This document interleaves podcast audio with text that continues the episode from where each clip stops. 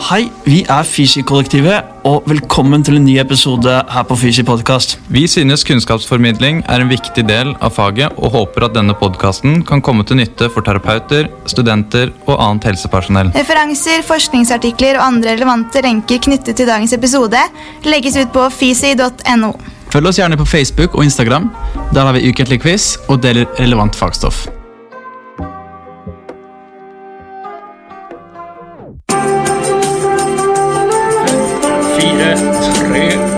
Hei, og takk for at du har tunet deg inn på Fysi podkast. Det er vi glade for eh, her i dag. Jeg sitter her med Simen Sletten på uh, Volvat eh, medisinske senter her på Nationaltheatret. Eh, Simen er manuellterapeut, utdannet fra Bergen. Før det så tok han bachelorgraden sin i Danmark.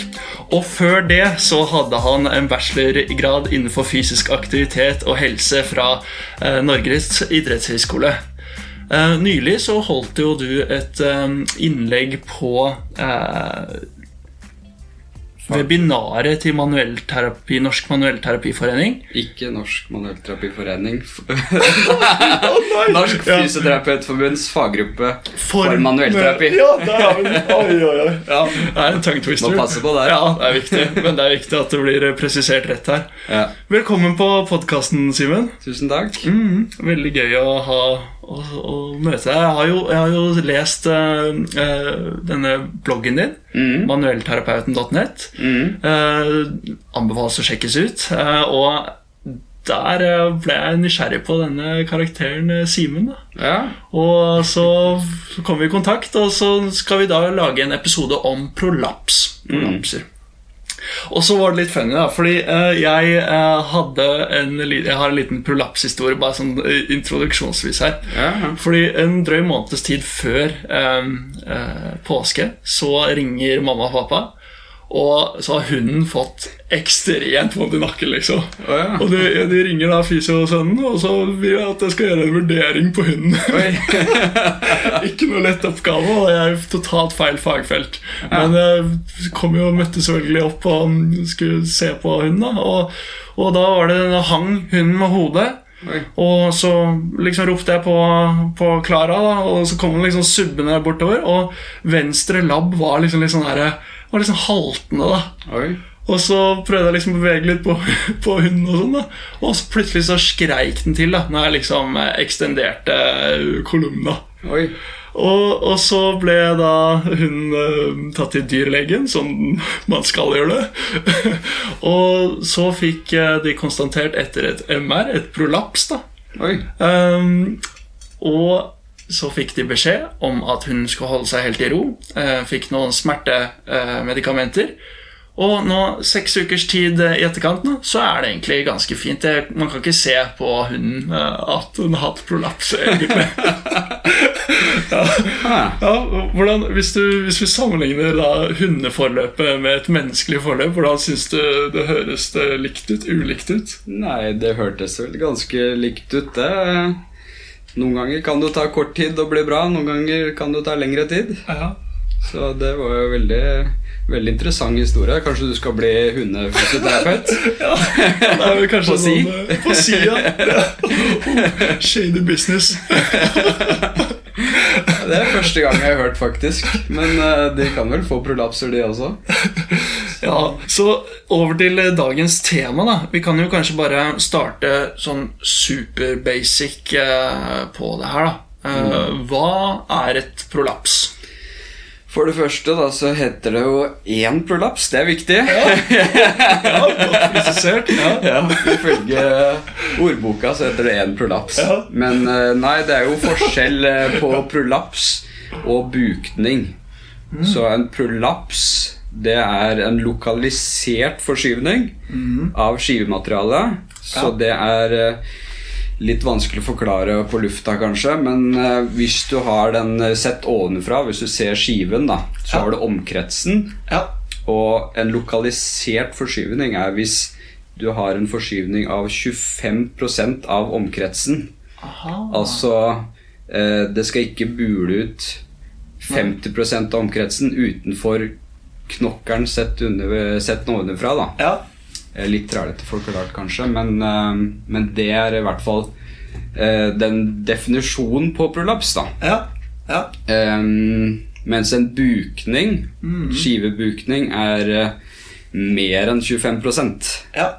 forskyvning av skivematerialet. Så det er den veldig eh, enkle Eller det er det som er definisjonen, da. Ja, Når du sier forskyvning av skivemateriale Um, Det er jo en sånn saying at uh, 'disks don't slip'. Mm. Uh, og det, når eh, Liksom Presiser hva du mener da med forskyvning. Er det da selve disken som disloseres på et sett, eller er det eh, Hva, hva er det Nei, som forskyves? det skal man være forsiktig med å si. Ja, ja. Så For ryggen er jo i utgangspunktet en robust eh, struktur, og det er jo ikke noe som går ut av stilling der, sånn som man kanskje trodde før med subluksasjon eller mm. Så skiveutglidning er jo et dårlig øh, begrep, da, og man skal være forsiktig med å si det. Ja. Men eh, det er i hvert fall at eh, eh, skiven går buker utover, da. Eh, du har jo, ikke sant, inni skiven så har Ja. du jo nucleus pulposus, som Ja. er litt mykere materiale, men på utsiden så er det en litt tjukkere øh, øh, Tjukkere bruskestruktur, da. Ja, Annulus fibrosus. Ja. Så det Og det er jo da hvis trykket blir såpass stort, og det kan være veldig mange årsaker til det Og apropos så er det veldig mye genetikk inne i bildet. Men um, eh, i hvert fall det blir en bukning ut fra anulus fibrosus, da. Ja, altså disse fiberne liksom får, en, får litt ruptur i seg på et sett, og så denne væske, ja. eller pulposus, da renner ut og lager et trykk som buler ut, nesten. Ja. da. Ja, og der kommer vi kan kanskje komme inn på det seinere, men det fins jo forskjellige typer prolapser også, da. Ja. Altså at du har jo Kan du dele inn i protrusjon, ekstrusjon og sekvestrering. Det er jo de forskjellige typer prolapsene, da. Ja. Så ved en protrusjon Ja. så vil jo ikke det gå hull på brusken, på en måte. Så det vil bare bule ut uten at det blir høl. Og en definisjon på protrusjon, Ja. det er jo at um, prolapsbasen Ja. er bredere enn prolapshode. Så hvis du ser for deg et fjell, da, ja. så er jo eh, nederste fjellet Ja. det er jo bredere enn toppen. ja. Det er en protrusjon. Ikke sant? Ja, det er Mens en ekstrusjon, Ja. der er motsatt. Altså det blir et omvendt fjell, da. Altså prolapshode er eh, større eller bredere enn prolapsbasen. Ja. Ja. Så det er liksom de forskjellige. Og en sekvestrering, den siste definisjonen, eller siste varianten, det er når eh, en ekstrusjon, Ja. altså den her omvendte fjellet, Ja. at det løsner da fra eh, skiven. Oi. Så, Ja. så det kan jo gi ganske mye symptomer. Ja, at uh, disken da løsner nei, ikke da skal ikke skiveutglidning i, konkret forstand, men altså en del. Altså den her lille prolapsen da, som kommer ut, den løsner fra skiven. Oh, ja. Så det er bare en liten bit. Ja. Ja. Ja, men Det var jo oppklarende. Litt uh, kategorisering innenfor Så protrusjon, ekstrusjon og sekvestrering. Sekvestrering. Og det er de forskjellige typer prolapsene. Mm. Ehm, mens skivebukning, det er noe annet, ikke sant. Okay. Over 25 Ja. av omkretsen, Ja, og under 25% av omkretsen. riktig. Så jeg syns det var veldig forvirrende som nyutdannet fysioterapeut. Og når pasienten kommer og slenger den her MR-beskrivelsen i bordet, da. Ja. Hva er det det her betyr? Yes. Og det er også en av grunnene til at jeg ville lære mer om det, da. For jeg skjønte ikke helt hva er det protrusjon er, hva er ekstrusjon, og når er det her relevant da for pasientens plager? Ja, Det syns jeg var veldig forvirrende. definitivt. Men øhm, hvis, øh, hvis vi tar litt den øh, pasienten i rommet-biten der med kommer og slenger MR-beskrivelsen i bordet Mm. Sånn, hvordan eh, Hvordan skal man eh, tolke det pasienten har med seg? Og da er jo eh, Da har jo kanskje pasienten også fått beskjed om at her, her er det et prolaps da, på eh, MR. Hvordan En prolaps. Ja, en, det er veldig bra. Jeg skal, jeg skal aldri si ett prolaps mer. Nei. en prolaps. Men eh, da er det MR eh, på bordet. Og hvordan er det man liksom tar den tar, eh, og forholder seg til det initielt? Ja, Før så kunne jeg være litt sånn Eller jeg syns jo det var veldig utfordrende, da, som sagt. Ja. Fordi eh, de aller eh, Før jeg hadde lest veldig mye på sosiale medier da om at eh, ja, prolaps det er jo ofte asymptomatisk. Ja. Og man skal være forsiktig med, å med hva man sier. Så jeg syns det var veldig utfordrende å på en måte si at ja, du har, eh, du har prolaps, og og jeg syns det var eh, Jeg synes det var litt sånn vanskelig å formulere meg, da. Og noen ganger sjøl om jeg kanskje var sikker på at her er det prolaps, så var jeg nesten litt redd for å si det. ja. Og, og noen ganger så tenkte jeg også at sjøl om MR-beskrivelsen viste prolaps, da, så, så tenkte jeg liksom sånn Ja, men det her har jo ikke noe å si for pasientens plager. Mm. Men det jeg tror er viktig, da eh, jeg, Nå sier jeg ikke så veldig mye først. Jeg ser på MR-beskrivelsen, eller kanskje jeg ikke ser på den når den øh, utgangspunktet. Tar Ja. en grundig anamnese Ja. en biopsykososial anamnese. Og så tror jeg det er viktig å gjøre en grundig undersøkelse. ja. Så hvis du gjør en god undersøkelse, gjør eh, SLR og de nevrodynamiske prøvene, du tar kraftprøver, du gjør sensibilitetstesting, du slår reflekser, Mm. og så ser du da undersøkelsen Ja, ja men eh, det her er jo ikke noe tegn på at det er noe ne- nerverotsaffeksjon. Du har ikke noe radikulær smerte, det er ikke noe radikulopati. Nei. eh, Som er også kanskje begrepet vi burde ta opp. Ja. Men um, Og så sier jeg til pasienten da helt til slutt eh, Nå har jeg sett eh, Nå har jeg gjort en, Vi har tatt en god prat, gjort en grundig undersøkelse. Det kan se ut til at eh, det er gode nyheter her. Ja, du har en prolaps i ryggen. men det som er gode nyheter, er undersøkt deg. Nerven har det helt bra. Mm. Det er ikke tegn til at nerven din er i klem. Mm. Nerven din er ikke irritert. Eh, Det kan hende at eh, det er en eh, prolaps i ryggen din som gir deg litt plager. Det er ikke noe farlig. I de aller fleste tilfeller så går dette her over. Mm. Og vi skal bare prøve å få deg i gang igjen. Ja. Så når du har gjort Jeg tror det er viktig, det er veldig mange som avbryter pasienten da, hvis de kommer med uriktig helseinformasjon, som Ja. avbryter pasienten i anamnesen og sier nei, det er feil. Ja. Det tror jeg er dårlig kommunikasjon. da. Mm. Jeg tror det er bedre, du har mye mer kredibilitet da, hvis du venter helt til slutten ja. med å liksom summere opp og øh, øh, utfordre pasientens eh, tro og forståelse helt til slutt, da. ja. Istedenfor å gå til angrep med en gang. Mm. Det er et godt poeng. For det, Ja. Og da må man holde seg litt i nakkeskinnet, fordi man Ja. har jo lært så mye og har så lyst til å liksom fortelle hva man vet til pasienten, fordi det angår jo den. Ja. Og da liksom bare greie å holde Bite det litt i seg når eh, Så det var ikke Rett og slett den kredibiliteten, den er viktig og Ja, så Mm. pasienten også føler at eh, han vet hva han prater om fordi han har gjort en god undersøkelse. Han har lyttet til meg, Mm. og nå skal jeg lytte til han. Mm. Istedenfor uh, at du avbryter under da du skal lytte, på et sett. da Ja, ikke sant. Ja. Og sammen med ja, skjevt bekken. Jeg har vært hos behandleren og jeg Ja. har sagt at det er skjevt bekken. Det er veldig, Ja. veldig mange som bare bryter inn da òg. Men jeg Ja. tror det er viktig å ta det til Eller jeg tror det er lettere å, å endre tro og holdning da Ja, ja. helt til, eh, helt til slutt. Mm. Mm.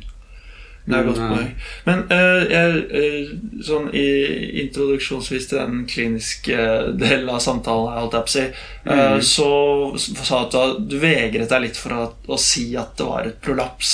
Mm. Liksom, hvor, hvorfor vegrer du deg for Eller hvorfor vegret du deg før du liksom hadde lært mer om det her og blitt mer komforta- komfortabel i terrenget. Hvorfor var det skummelt å si? på en måte?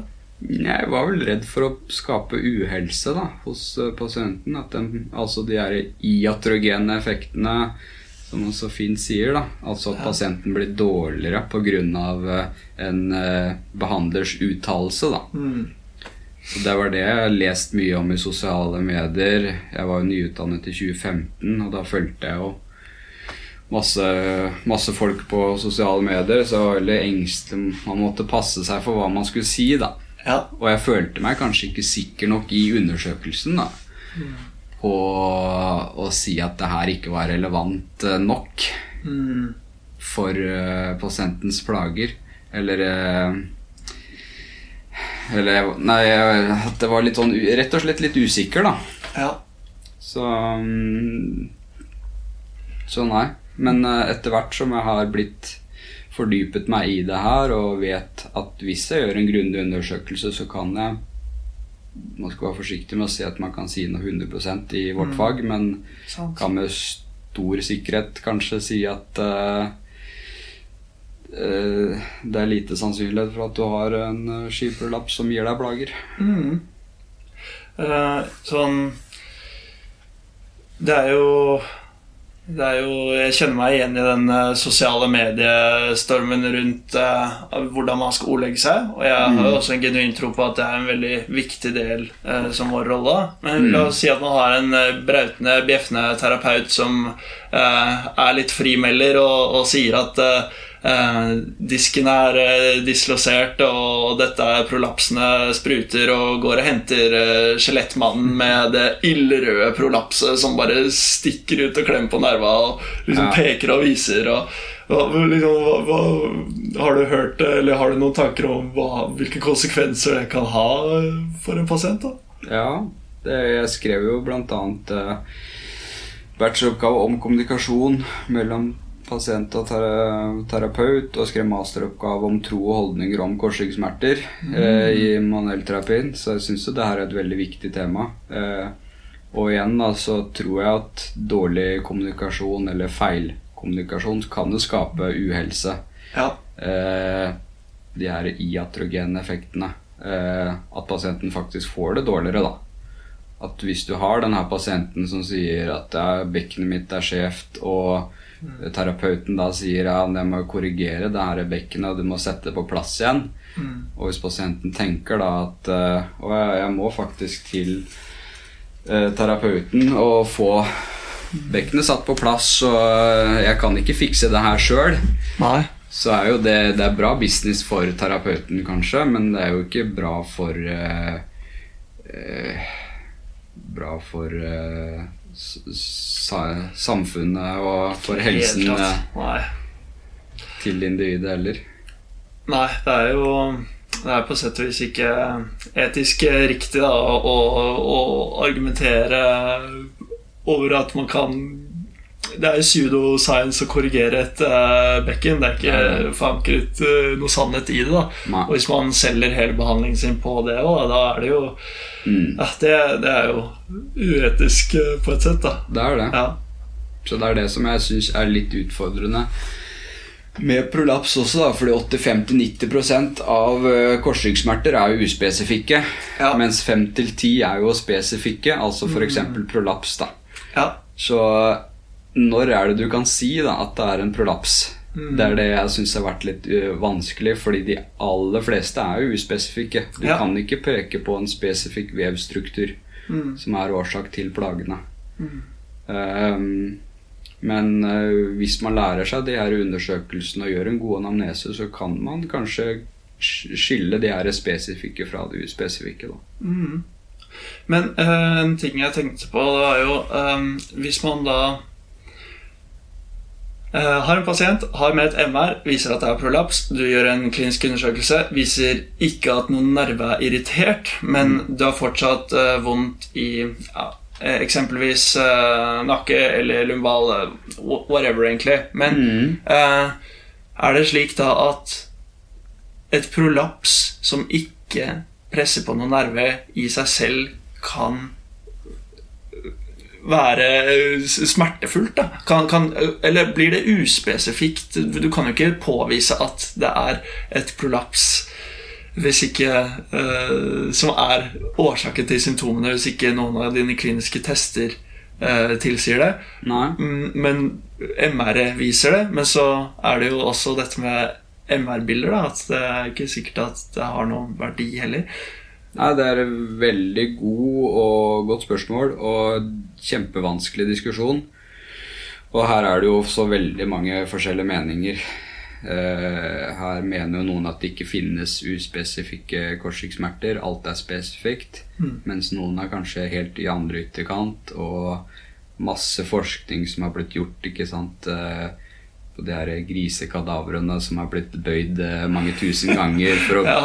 provosere frem eh, prolaps. Og, så, eh, men i utgangspunktet og Hvis du ser ikke sant, på en um, Det er veldig mange som har en asymptomatisk prolaps. Da. Men hvis du graver litt nærmere i eh, litteraturen der, da, så er det faktisk eh, eh, litt Så er det litt sammenhenger, da. Med visse typer prolapser og smerte. Ja. Eksempel eh, en ekstrusjon. Nå har jeg tallene foran meg her. ja. Altså 1,8% av asymptomatiske har en ekstrusjon. Altså den her ekstrusjon, det er den her der det Omvendt fjell. Omvendt, omvendt fjellet. der det er liksom høl på uh, veggen som regel, da. Ja. Og altså 1,8% og 7,1% hos symptomatiske. Så det er jo ganske stor forskjell. ja. Um, samme er det med Og det har blitt aldri observert eh, asymptomatiske den sekvestrering, da. Altså den her ekstrusjon som er gått ut i spinalkanalen. ja. Men, oss, men igjen, da, ved protrusjon så er det litt mer blandet. Ok. For det er jo den Dere har sikkert sett den her studien fra 2015, Brinicki, eller hvordan det uttales, med den her oversikten av asymptomatiske satt på MR, Ja. med protrusjon osv. Ja. Der er jo veldig mange som har en asymptomatisk protrusjon. Ja. Ja, fordi eh, den studien, for de som ikke har uh, lest eller hørt om den, da, hva er det, hva er det den sier uh, egentlig? Nei, den går gjennom aldersgruppe, da. Altså at det er eh, 20 til 30, 30 til 40, 40 til 50. Og så Ja. ser de på skivedegenerasjon. Hvor mange prosent av de som ikke har vondt, Ja. har eh, funn på skivedegenerasjon, protrusjon mm. osv. da. Ja. Så det er veldig vanlig med endringer. Yes. Så det er dritvanskelig å på en måte navigere, men det er derfor igjen da, jeg kommer tilbake til den gode anamnesen og gode undersøkelsen. Ja. Det gir deg mer eh, kjøtt på beina. Mm. Så jeg tror det er veldig viktig å være god på det. Absolutt. Men, eh, men nei, den, er, eh, den, den ekstrusjon og sekvestrering, det er nok relatert til korsryggvondt. Ja. Ja. Mens protrusjon, der er det jo litt mer Litt mer utfordrende å si. Mm. Uh, nå er det jo Nå er ikke jeg i nærheten så like befart i terrenget som deg, men jeg mener jeg har lest, um, lest at um, det at én prolaps forekommer, kan gi en betennelsestilstand, eller en immunrespons, på et sett. Um, uh, tror, hva, hvilke tanker gjør du der rundt eh, Eller hva- er denne immunresponsen Ja. i så fall? Ikke sant? Og det bringer oss jo litt videre til neste tema angående prognose osv. Fordi nå har jeg ikke snakket om det, men en prolaps kan jo være innkapslet Ja. eller ikke innkapslet. Altså så inn- fibra er røket eller ikke? Yes. Ja. Og du kan jo, det er ganske enkelt å se for seg da, at hvis du har skivemateriale som sprekker ut fra den eh, annulus fibrosus og ut Ja. i spinalkanalen, ja. så tenker kroppen Oi, shit, hva er det som skjer her? Det her skal ikke være her. Nei, sant, ja. Det her må vi rydde opp i. og så sender den jo eh, i gang eh, immunforsvaret, så det blir en immuninflammatorisk respons. da Og så Det er derfor en ekstrusjon og sekvestrering, de her som går ut i spinalkanalen, de har en mye bedre prognose. Fordi det kan ofte være veldig mye mer vondt, men Ja. eh, de går jo ut i der det ikke skal være. Så tenker kroppen shit, det her må vi rydde opp i. Ah, Og Det er derfor det blir mye kall det en kjemisk suppe da, med Ja. Mm. betennelse. Og betennelse er jo bra, for det er jo kroppens reaksjon på å prøve å fikse ting. Ja. Mens den her eh, ikke-innkapslet, altså, og det er jo ofte en protrusjon, Ja. Mm.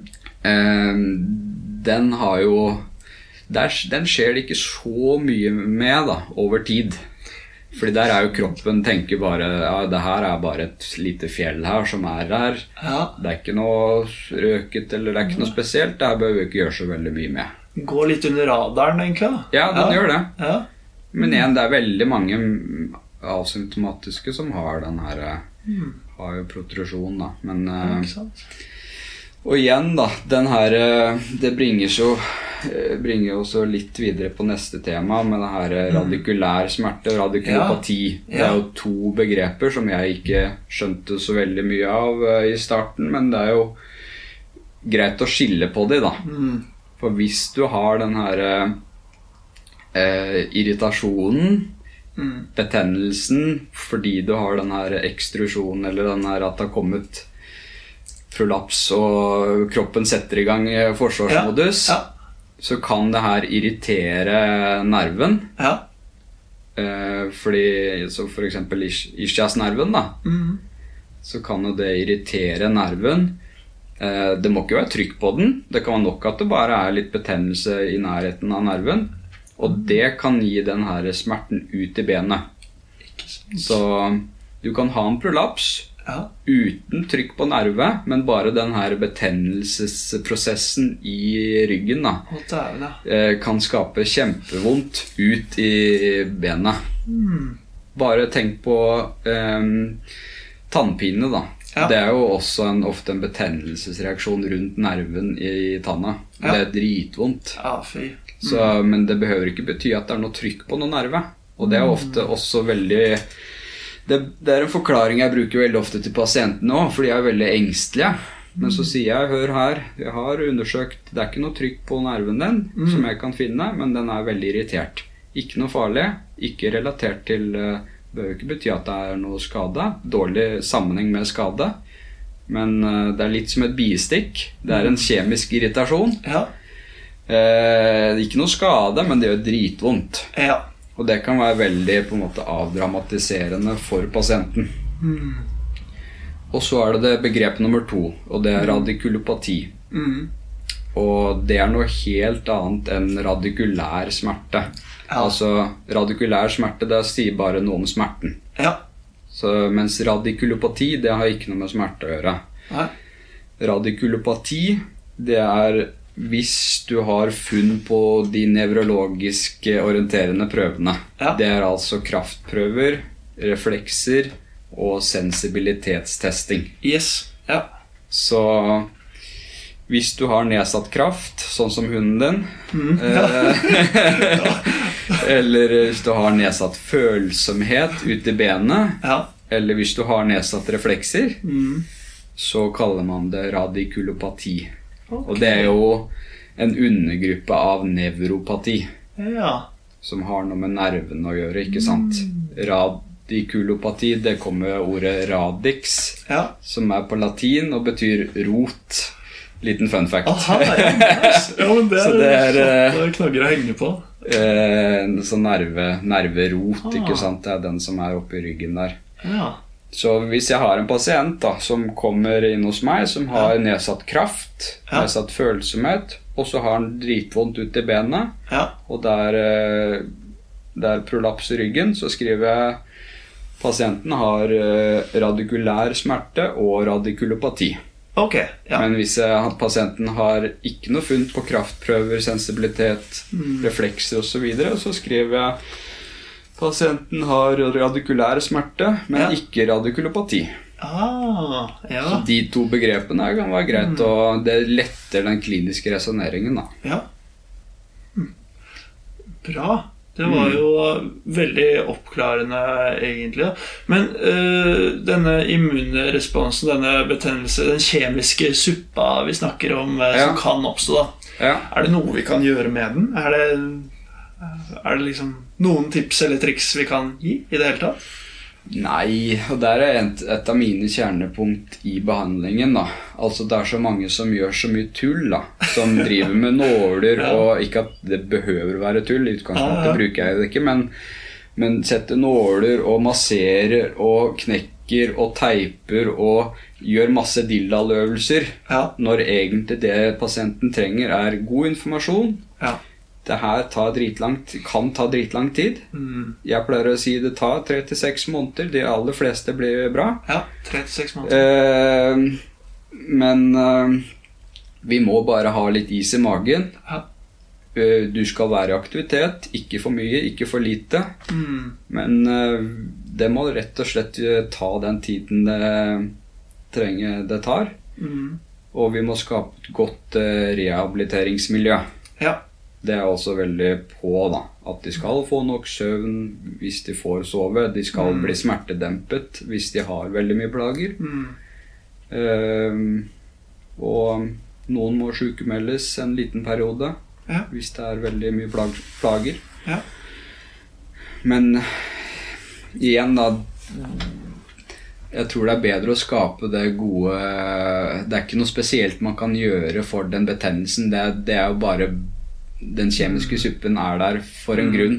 ja. Og um, den, det er en bra ting, rett og slett. Mm. At den er der, for det betyr at kroppen uh, holder på. Ja. Mm. Det blir eh, rett og slett å, å, å gi god informasjon. Mm. Uh, lage et uh, godt tilhelingsmiljø. Mm. og, og på en måte leie pasienten litt igjennom forløpet hvis det Mm. oppleves som invasivt for en. da. Mm. Så noen ser jeg én gang i uka. Mm. Kanskje to ganger i uka i første perioden. Mm. Eh, og mens andre er liksom Å ja, ja, det er det, da. Ja, men eh, da ses vi om en måned, da, så ser vi om det har blitt noe bedre. ja. Så, um, Ja, ja. Så Men det er veldig Gjør basicen bra, altså. Istedenfor Mm. å gjøre masse mulig dildal. ja. Så bare um, si ja, nå skal du gå litt turer. Kanskje går det bedre med tre korte turer om dagen enn én lang. ja. Holde deg litt i bevegelse. Så vil kroppen mest sannsynlig ta, ta hånd om det her. ja. Det er uh... Uh, sånn um, Du nevnte jo litt sånn eh, med søvn. Um, Mm. uh, hvis man da ikke får sove, da, Mm. Uh, er det noen sånne tips eh, man kan gi i forhold til uh, er, det, er det noen sånne sovestillinger, eller, eller er det bare Er det ikke noe eh, egentlig der å hente? Noen er jo også litt sånn der Jeg tror jeg har sovet på meg eh, en prolaps. Jeg har Ja. sovet feil, ligget kjært. Eh, Så det kan jo kanskje være litt sånn begge nyansene. da Mens vi tar først litt eh, den eh, kalde Er det noen eh, terapeutiske tips å gi rundt eh, det her? Ja, nei Godt spørsmål, men eh, ikke noe sånn spesielle tips. Jeg tror det er viktig å være godt smertelindret. Ja. Det er jo eh, noen som liksom pusher seg gjennom Mm. eh, veldig mye plager og ikke får sove fordi de har for mye vondt. Ja. Så det å rett og slett ta en tur til legen og få litt smertelindring, det kan være god behandling den første tiden. ja.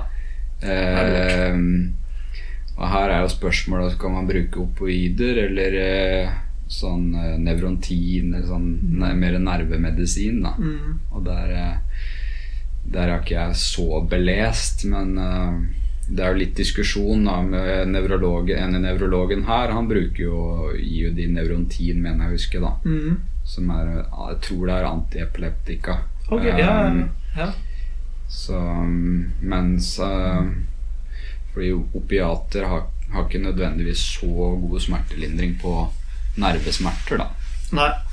Men, uh, men nei, ellers så er det ikke så veldig Har ikke jeg noen gode tips om sovestilling, egentlig. Det eh, Mange opplever jo at det å på en måte åpne opp i ryggen der prolapsen sitter, Mm. at det kan være ålreit, da. Hvis du f.eks. Eh, det er jo det som skjer hvis du har sånn sideshift eh, At de med prolaps de får liksom sånn, Ja. sånn sideforskyvning av ryggen. Ja, At det står noe lateralflektert, på et sett. Riktig. Ja. Og det er jo for Det er jo kroppens reaksjon på på, på en måte unngå å irritere. da Ja. Det er jo en eh, Man kan jo skille mellom adaptiv og maladaptiv eh, atferd. da Mm. At den Det er jo på en måte en naturlig greie. da Det er bra. Samme som hvis du tråkker over. Mm. Så er det jo adaptivt å på en måte halte litt og kanskje ikke belaste så mye, men det er maladaptivt hvis du fortsetter å halte i tre år, sjøl om eh, skaden er tilhellet. da. ja. Så det vil jo på en måte være Mange vil jo synes at det er fint hvis de har prolapsen sitter på høyre side da, og irriterer den nerven. Ja. Så kan det være fint å på en måte åpne litt opp i ryggen og ligge på venstresiden. Men uh, veldig lite fasit på det her, altså. ja. Det er jo liksom det som er komfortabelt, og det som funker, på et sett. da Ja. Kanskje Hvis søvn er et kjempestort problem, da kan man kanskje utforske disse uh, forskjellige posisjonene Ja. sammen med pasienten. da Ja, ja, ja, det er det jeg pleier å gjøre. Ja. Så eh, ja. Ja, Har du sånn på den andre siden av det, at hvor folk har eh, sovet på seg eh, prolapser? Har du da erfaring med det? De mener i hvert fall de har gjort det. Ja. Men det er jo et interessant aspekt, det. Og det er jo litt sånn Hva er årsaken til prolaps, da? Ja. Mange vil jo mene at fleksjon og, og mye tung løfting er årsaken til prolaps, men Ja. det har jo blitt gjort en uh, artig studie som også ble delt av han der eh, Lennart Bensen. Ja. Eh, over hva de snakket, da, intervjuet pasienter med prolaps og eh, radikulopati. Mm. Så eh, spurte de hva de mente var årsaken, eller hvordan prolapsen oppsto. da. ja. Og to, rundt to tredjedeler hadde jo ikke noe god forklaring. De, det var ikke i forbindelse med et løft eller sånt. Og en tredjedeler hadde jo en Det skjedde jo underveis i en hverdagsaktivitet eh, hos de aller eh, fleste av den her Ja. en tredjedel-gruppa. da Mm. At de bare skulle ned og løfte eller plukke opp eh, en blyant fra gulvet, og så smalt det til. ja. Så mente jeg at det var årsaken, da. Men mm. de aller fleste så kommer det liksom bare Kommer det litt snikende. ja. Og det er jo Det man vet nå, er at det er mer genetiske faktorer som spiller inn for utvikling av prolaps enn det man uh, trodde før, da. Mm. Det er veldig Hvis vi ser på tvillingstudier, da. ja. At den ene tvillingen uh, driver med tungt fysisk arbeid, den andre tvillingen sitter på kontor. ja. Så er det ikke så stor uh, Så er det ikke noe spesiell forskjell i utvikling av prolaps. da Ja. Det har ikke så veldig mye å si hva slags arbeid du har. Nei, ikke sant? Det er ganske interessant. det er en genetisk eh, komponent som eh, man kan tro er ganske sterk der. da Ja, Man skal ikke si at ah, nei, da kan jeg ikke gjøre en dritt. Det fordi genene mine Ja. sier eh, Du, har jo, du Ja. kan jo på en måte påvirke genene og påvirke kroppen din i det positive retning. Ja, Det kan man jo. Så det var det lange svaret. ja men det var et godt svar. Ja. Det var et godt svar. Um, veldig bra. Um, vi, kan jo, vi kan jo snakke litt om um, eh, operasjon, da. Eh, Fordi det er jo noe ofte eh, man må ta stilling til, eller blir ofte spurt om. da Hva, hva tenker du om å operere? Eh, og eh, hva er eh, hva er greia rundt operasjonen? Når er det man liksom eh, velger å gjøre det? Før, så da jeg var nyutdannet, så tenkte jeg, tenkte jeg at fysioterapi kunne kurere alt. Ja. At eh, bare man Ja. trente bra, så kunne man liksom kurere alt. Ja, Jeg har blitt litt mer nyansert. Det er ikke at jeg har jobba så mange år, men jeg har blitt litt mer nyansert. Så eh, Det er en som heter Weber, han sa det veldig bra, at det er en gruppe som skal klart og tydelig opereres. Ja. Det er en gruppe som klart ikke skal eh, opereres. Og så er det en gruppe der det er eh, mer usikkert. da. Mm. Um, så det er noen som eh, bør ha en rask vurdering. ja. Og da er det jo det her berømte Kauda Kvina-syndrom. ja. Har du da eh, ridebukseanestesi, er det ikke det de kaller det? Ja, ja, rundt, Ridebukse. Jeg har alltid lurt på hva, hva er eh, ridebukseanestesi? Er det liksom, går det ned til Hvor går den her i ridebuksen? Jeg har sett for meg at eh, det er liksom de punktene Hvis du sitter på en hest, da Ja. så er det det som er nær salen. da ja, så egentlig burde det kalles saleanestesi. Ja, Nei, det var det paragrafen var. Det er et godt spørsmål. Hva er egentlig ridebukse? Men eh, i hvert fall, da, hvis du og, og, um, En ting som er viktig å oppklare, er at man spør jo ofte om urin- og tarmfunksjon. Ja, Men uh, uh, før så tenkte jeg liksom at det er hvis du tisser ukontrollerbart. Men det er jo Det man ser ved køyda-kvinnasyndrom er jo at du ikke klarer å tisse. ah, At hvis du ikke klarer å tisse, så er det det er relatert til Det er det du skal spørre om, da. ikke sant? Og så er det hvis du har eh, nedsatt svingtertonus, som man så fint sier, da. At man ikke klarer å holde igjen eh, når man skal prompe eller Ja. ja. Så, eh, så det er jo den ene som skal opereres, eh, som bør i hvert fall få en veldig rask vurdering. Og da skal man, hvis man får en sånn pasient, Ja. så skal man eh, ringe sykehuset, da. Ja. Altså ringe sykehuset og spør spørre om å bli satt over til vakthavende nevrolog. Ja. Og så si at hei, jeg har en som har mulig Køda-Kina-syndrom. Eh, har dere lyst til å se han? Ja. Eller hun. Så det er den ene. Og så den andre varianten er jo med de her paresene paresene og paralyse, da. Parese er jo bare kraft, eller nedsatt kraft, men paralyse er jo helt bortfall av kraften, da. Mm. Og de her bør jo også få en uh, rask vurdering. Ja. Um, så man kan jo gradere kraften da, ved krafttap fra 0 til 5. Mm. Der 0 er helt bortfall, paralyse, mens 5 er normalt. da. Det er den der Oxford eh, grading scale. Ja. Så eh, her er det jo litt forskjellig, men de fleste opererer jo med Har du en krafttap grad 3 eller eh, dårligere, Ja. så bør du, og det har skjedd ganske nylig, Mm. så er det faktisk grunn til å ringe sykehuset Mm. for å spørre om eh, ja, det her bør kanskje opereres eller ses på. Ja. Mm. Så det er i hvert fall eh, de to gruppene som eh, bør vurderes eh, ganske raskt. Da. Så Ja. har du andre røde flagg ikke sant, med gangvansker, ustøhet, men Mm. det vil du avdekke hvis du tar en kraft, tester kraften deres. da. Ja. Men Og så er det den her mindre sikre gruppen som eh, Som eh, har kanskje litt Har mye bensmerter, men de har ikke så mye krafttap.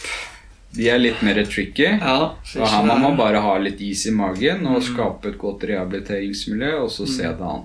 Ja. Men uh, det er noen som sier at ja, hvis du skal operere, så bør du kanskje operere innen et halvt, uh, innen et halvt år. Ja. Mm. Men uh, det er også henvist pasienter med, som har slitt mye med radikulær smerte. da. Mm. Uh, henvist til operasjoner etter ett år også. Ja. Men det som er viktig å ta med seg, er at operasjon er bra for å fjerne bensmertene. Men uh, de kan ikke gjøre noe med ryggsmertene.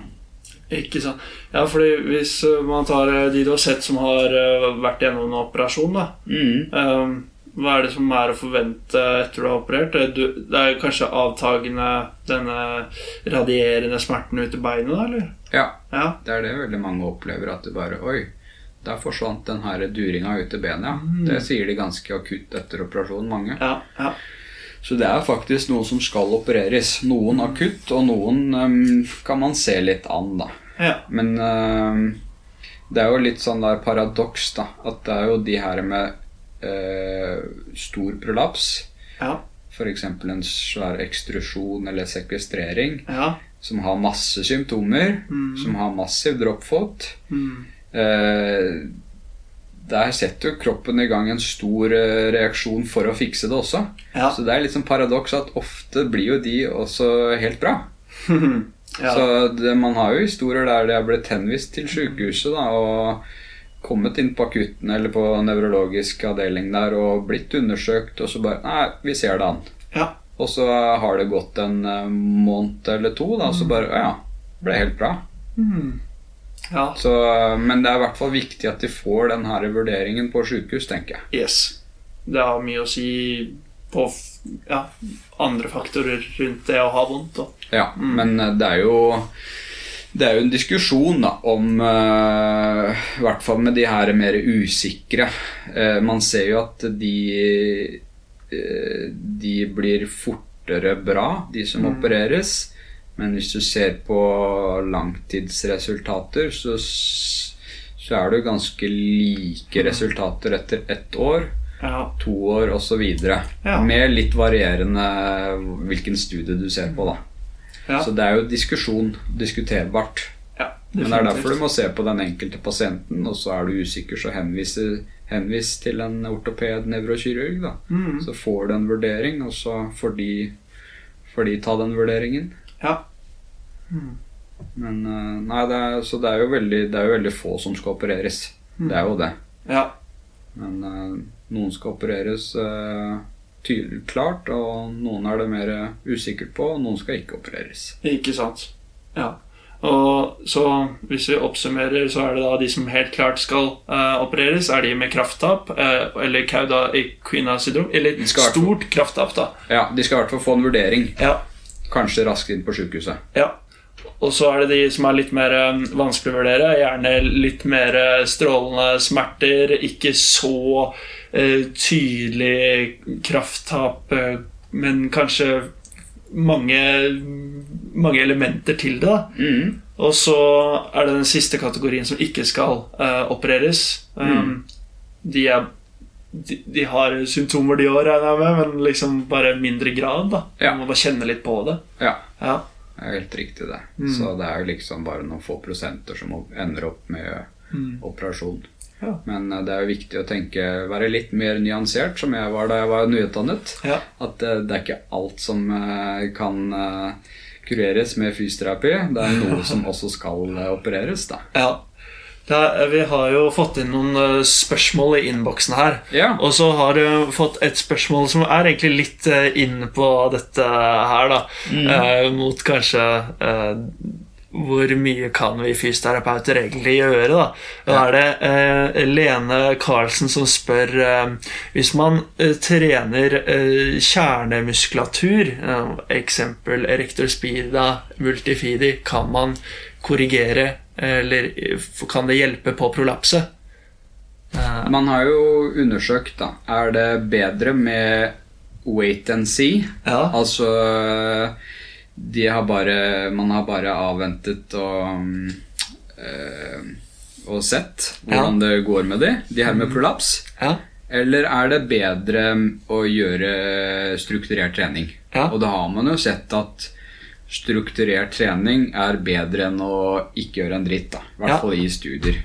Mhm. uh, men eh, I hvert fall på kort sikt, da. Men uh, hvorfor det er forskjell, det er jo eh, et eh, godt spørsmål. Og jeg har jo et lite sitat her eh, fra, fra en pasient eh, som sier da Skal vi se Perhaps it is the experience of being able to do something for myself rather than being a passive drug taker that helps med trening. ja, den, var, den er fin, da. Så du kan jo ikke, ikke Du kan jo ikke trene bort den her prolapsen. Du kan ikke presse det her inn igjen, og du kan ikke trene opp en inflammato- immuninflammatorisk respons. Det, er, det er ikke et stabilitetsproblem. Det er ikke det at du har manglende kraft i muskulaturen, og det er jo ikke et bevegelighetsproblem, det er ikke et stabilitetsproblem. Det er jo man har hatt litt uflaks. Kanskje fått hatt litt uh, Hatt litt uh, dårlig valg av mor og far.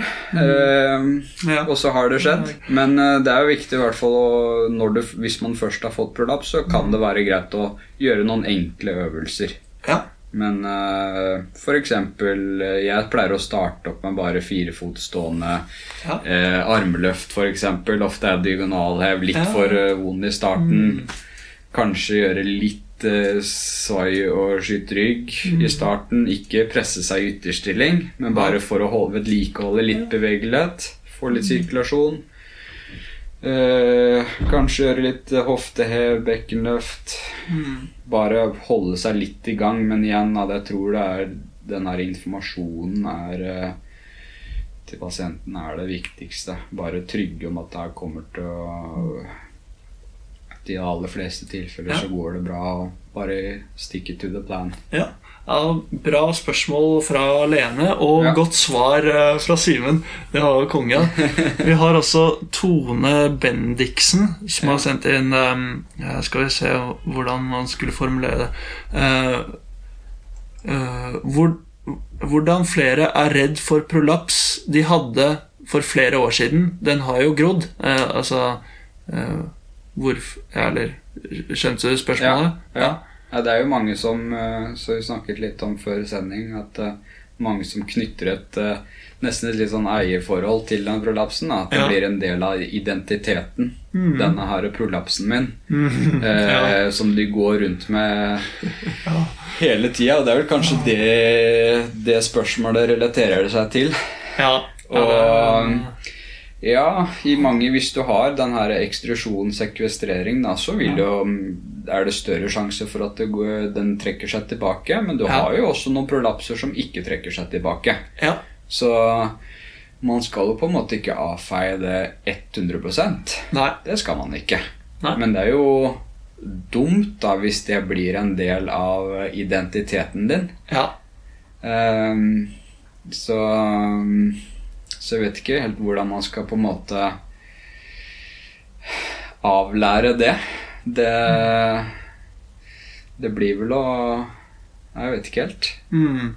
Nei, men det er jo eh, godt eh, Godt svar på det, fordi man blir jo nesten litt sånn himlende med øynene hvis eh, en kommer og presenterer problemet som at jeg hadde et prolaps for ti år siden Ja. i nakken, og nå er det tilbake. Eh, liksom. Eller, det, kan- og det kan, det kan være et nytt prolaps for den saks skyld, men at ja. liksom eh, At den Det er åpenbart at det kan jo være ganske sånn intenst å ha et prolaps, og at det blir en sånn ting man husker som Å, den smerten der. Og så fort det Mm. anmelder seg litt smerte et, et, sted, et kjent sted, da, så blir det en assosiasjon. da Men uh, det er derfor det kommer hele tiden tilbake, da. Denne grundige anamnesen-undersøkelsen. Ja. Har du gjort reflekstest, sensibilitet, kraftprøver, Mm. eh, nevrodynamiske prøver, tatt en god eh, anamnese, Ja. så sier du Hør her. Det, det er ikke tegn til at du har noe prolaps i nakken eller ryggen din nå.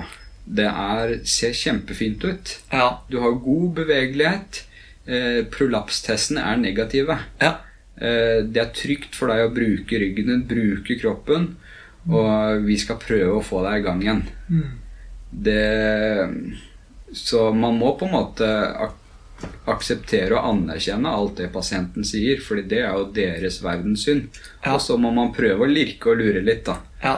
eh, i etterkant. ja. Det er i hvert fall min filosofi, da. Um, men, eh, men nei, det Ja. Uh, men bra. Vi kan ta et siste spørsmål fra Alexander Mørk her. Mm. Og han lurer på um, Hvordan er det med løping og um, utholdenhetstrening, eller eh, ja, utholdenhetstrening uh, når du har prolaps? Eh, er det, hvilken effekt har det på, på prolapset? Nei, jeg Hvis du har en Hvis du kommer inn som 35-åring og har en akutt førstegangsprolaps med eh, radikulær smerte, så bensmerter, og radikulopati, altså nedsatt kraft eller lignende, så er, er jeg nok kanskje litt strengere enn eh, mange andre. Ja. Før så tenkte jeg bare ja, bare gå og være aktiv, du, så går det nok bra. Nå er jeg nok litt strengere, men jeg sier at uh, den første måneden her nå, så tar vi aktiviteten litt ned. Ja. Prøve å ikke um, Skal jeg helst ikke Eller ikke, ikke noe løping nå første måneden. Ikke noe tung styrketrening. Ikke drive med noe masse flytting eh, osv. Bare for å Hvis du pusher på, da, så vil det bare irritere og gjøre at det blir, kan vare lenger, da. Ja. Eh, kan at noen er uenig med, med, uenig med meg med det her, men eh, det er i hvert fall det jeg gjør. Ja, ja. Og det blir jo Jeg vet ikke om det er en god sammenligning, da, men hvis du f.eks. ryker akilleshælen din, da, så tar du gipseren, og så er det en eh, 69 eller 12 måneders rehabilitering. Du holder den jo helt i ro i starten og ikke prøver å belaste den for mye. Så jeg tenker den første måneden er det greit å ta ned belastningen. ja. Og så får man heller eh, eksponere gradvis etter eh, i etterkant. Ja, ja, ja. Absolutt. Og spesielt kanskje med løping og sånn òg, som gir en, en eh, økt kompresjon på et sett òg. Ja. Det er jo en sånn ganske støt belastning. Ja. Uh, Lett, eh, lett gang, eller gange er jo Ja. fin. Det gir jo kompresjon, det også. Mm. Men den her mellomvirvelskiven den har jo bare litt blodforsyning ytterst. Den har jo ikke noe innerst. Så det er jo støt-avlasting. Den er jo litt som en hard svamp. ikke sant? Ikke sant. Det gir jo diffusjon og forsyning Ja. til eh, eh, til skiven, da. Mm. Så passe dose aktivitet, pleier jeg å si. Ja. Ikke for mye, ikke for lite. ja. Og helst ikke så veldig mye bensmerter, mer bensmerter da, Nei. Nei. i etterkant eller underveis i aktivitet. Så hvis du da øh, går en tretimers tur, og du kjenner at og etterpå så stråler det, og du påvirker søvnen din osv., så, videre, så var det kanskje litt for heftig. Mm. Men jeg poengterer jo også at du har ikke ødelagt noe Mm. i ryggen din. Men uh, det var et, du gjorde kanskje litt for mye. Da må man kanskje gjøre litt mindre neste gang, da. Ja. Hva var det han eh, Jeg lurer på om det var han Louis Gifford som skrev eh, i eh, boka si den Aches and Pains om eh, radikulopati. Ja. Og da hadde han en eller annen Hvis jeg husker rett, da, så var det noe med å rett og slett få en pulsøkning. da Rett og slett for å få eh, blod ut i nerva. Mm. Eh, og det kan jeg, jeg kjøper jo den litt òg. At Ja, det kan ja, jo ja. være en litt sånn uh, fin ting òg. Kjempebra, det. Mm. Det gir jo mer sirkulasjon i kroppen og Ja. være i aktivitet. og Det er derfor jeg syns det er viktig å gå, det er gå litt turer. da. Ja. Men hvis du har en time til rådighet, det er bedre, i hvert fall hvis du er i akuttfasen, Mm. så er det bedre å gå tre ganger 20 minutter i løpet av dagen. Mm. Små doser enn én ganger 60, da. Men eh, han, eh, eller spørsmålet kan jo også dreie seg om eh, man har jo også sett at eh, de, med, de som løper, de har jo faktisk en sterkere mellomvirvelskive Ja, enn eh, de som ikke løper. Ah, Så det er det i hvert fall én studie som har vist. Da. Eh, Det er ganske artig. Det gjelder jo de, ikke de her som har prolaps, det skal sies. Men altså, løping er jo en fin aktivitet for å styrke opp mellomvirvelskiven sånn generelt. Da. ja, ja. Stimulere anulus fibrosis litt. Yes. Og nucleus pulposus. Og nucleus pibrosis! La oss ikke glemme det. Ja, det var herlig. Det var kjempebra. Det var fine spørsmål innsendt. Takk for, uh, takk for uh, at dere sendte inn. Og så har vi da over til uh, siste spalten vår nå i dag. Og det er da aha-opplevelser. Der jeg lurer på om du har en historie som kan krypteres litt uh, for taushetsplikten her, eh, Simen. Hvor du har hatt, uh, hatt en klinisk opplevelse med en pasient uh, med prolaps. da Som du kan fortelle oss om uh, her på Ja. podkasten.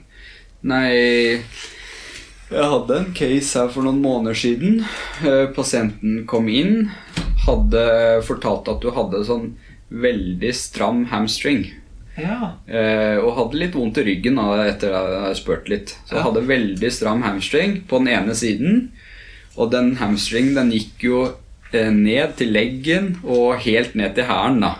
Så det hun dreiv med, hun drev og tøyde og tøyde og tøyde på den her vonde hamstringen. Oi. Ja. eh, så hun kom til meg og undersøkte, og det var jo litt øh, vondt ryggbevegelser. Og eh, tok jo en SLR som var eh, positiv, eh, slump positiv, men ikke noe positive krafttester, sensibilitet, reflekser. Alt var fint. Så, eh, så da avdramatiserte situasjonen. Gikk, sa at det ikke var noe farlig. Men uh, sa nok at uh, Og forklarte at mest sannsynlig så er det nok uh, ischiasnerven din, som er irritert. Mm. Og det du gjør når du driver og tøyer og tøyer og tøyer, tøyer så vedlikeholder du den irritasjonen. Yes. Så nå skal vi bare roe helt ned. Prøve å bare la den være litt i fred. Bare fortsett å bevege deg. Ja. Så kommer det her nok til å gå helt bra. Ja. Og det Hun så på bildene av ischiasnerven og ble Ja, da forsto hun. Å ja, ja, ok. eh, og så gikk det en måned eller noe sånt, og kom hun tilbake og var helt, helt bra. ja. Så det jeg vil poengtere, er at informasjon er til pasienten.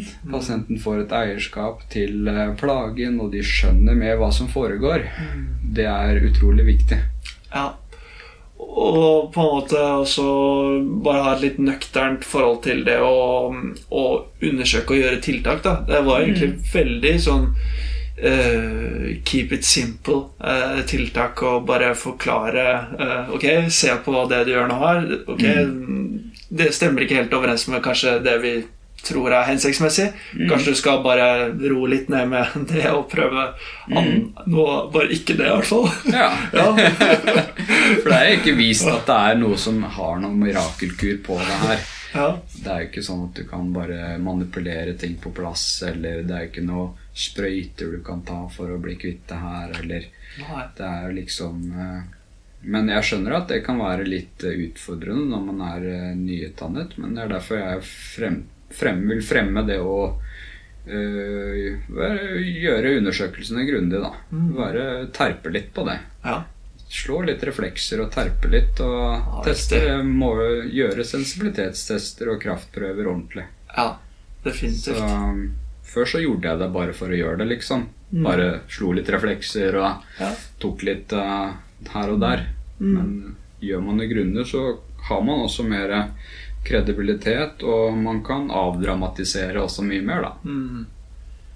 Det er veldig, veldig bra. Det, er, det summerer opp Det er mye å si om prolaps, men eh, det kan være veldig på, Man kan gjøre det veldig komplisert, men Mm.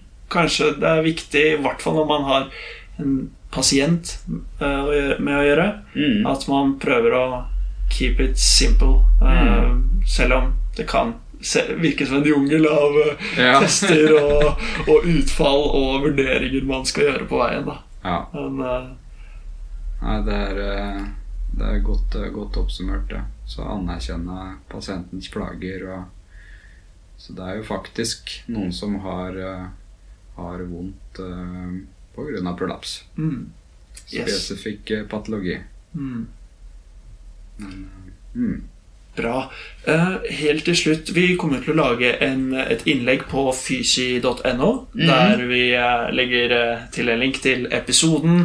Det blir et bilde av deg der og navnet ditt, og vi må legge til da lenken manuellterapeuten.net. mm. bloggen din, fagbloggen din. Jeg har anbefalt å lese, så det er veldig mye fin lesing rundt forskjellige aspekter som er klinisk relevant. Veldig bra jobba.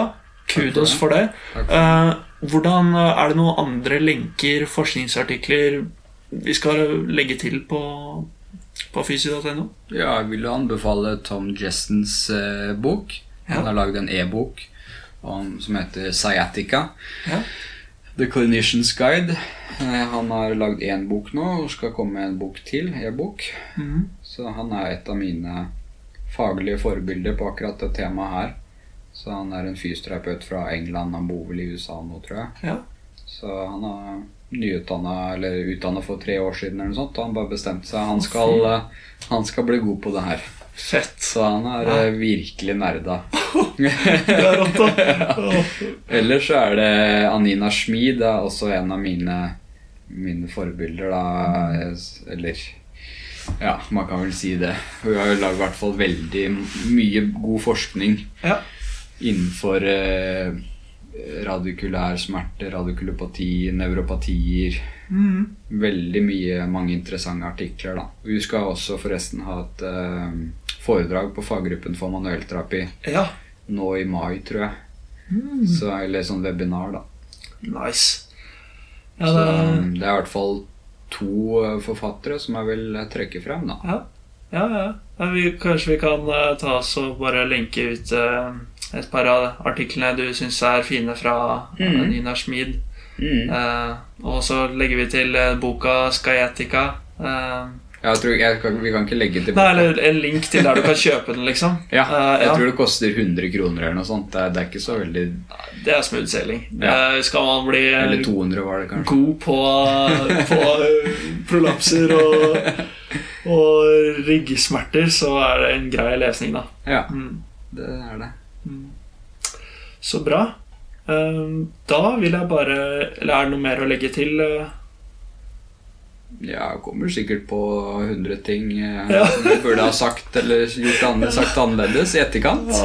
Men sånn er det vel kanskje. Legge til en liten sånn eh, note under podkasten sånn 'Dette glemte Simen'. Nei. Nei, nei. nei jeg, jeg, jeg har lært eh, masse av å få prate med deg i dag. eh, Og det er kjempe, kjempenyttig, altså. Og jeg syns det var spesielt uh, interessant å snakke med deg om uh, immunresponsen eh, eh, relatert til et prolaps, og hvordan det kan påvirke nerven. Mm. Jeg visste ikke Du hadde mye fine detaljer der. Det var. Syns det var en flott prat, og jeg er glad for at jeg fikk ha deg med her på podkasten, Simen. Tusen takk for at jeg fikk komme. Ja, det Det var veldig ålreit. Så da takker vi oss for uh, Og her i Da takker vi oss Da takker vi for oss Nei, skal vi si det? Vi takker for oss. Ok, ha det bra. Ha det bra. Takk for at du hørte på Fisi podcast. Håper du likte denne episoden. Følg oss gjerne på Facebook og Instagram. Der har vi ukentlig quiz og deler relevant fagstoff. Vi selger T-skjorter og annet merch på fysi.no. Vi har mange planer og mål, og omsetningen av merch skal vi bruke til videre prosjekter og kunnskapsformidling. Husk å abonnere og rate podkasten, slik at vi når ut til flere.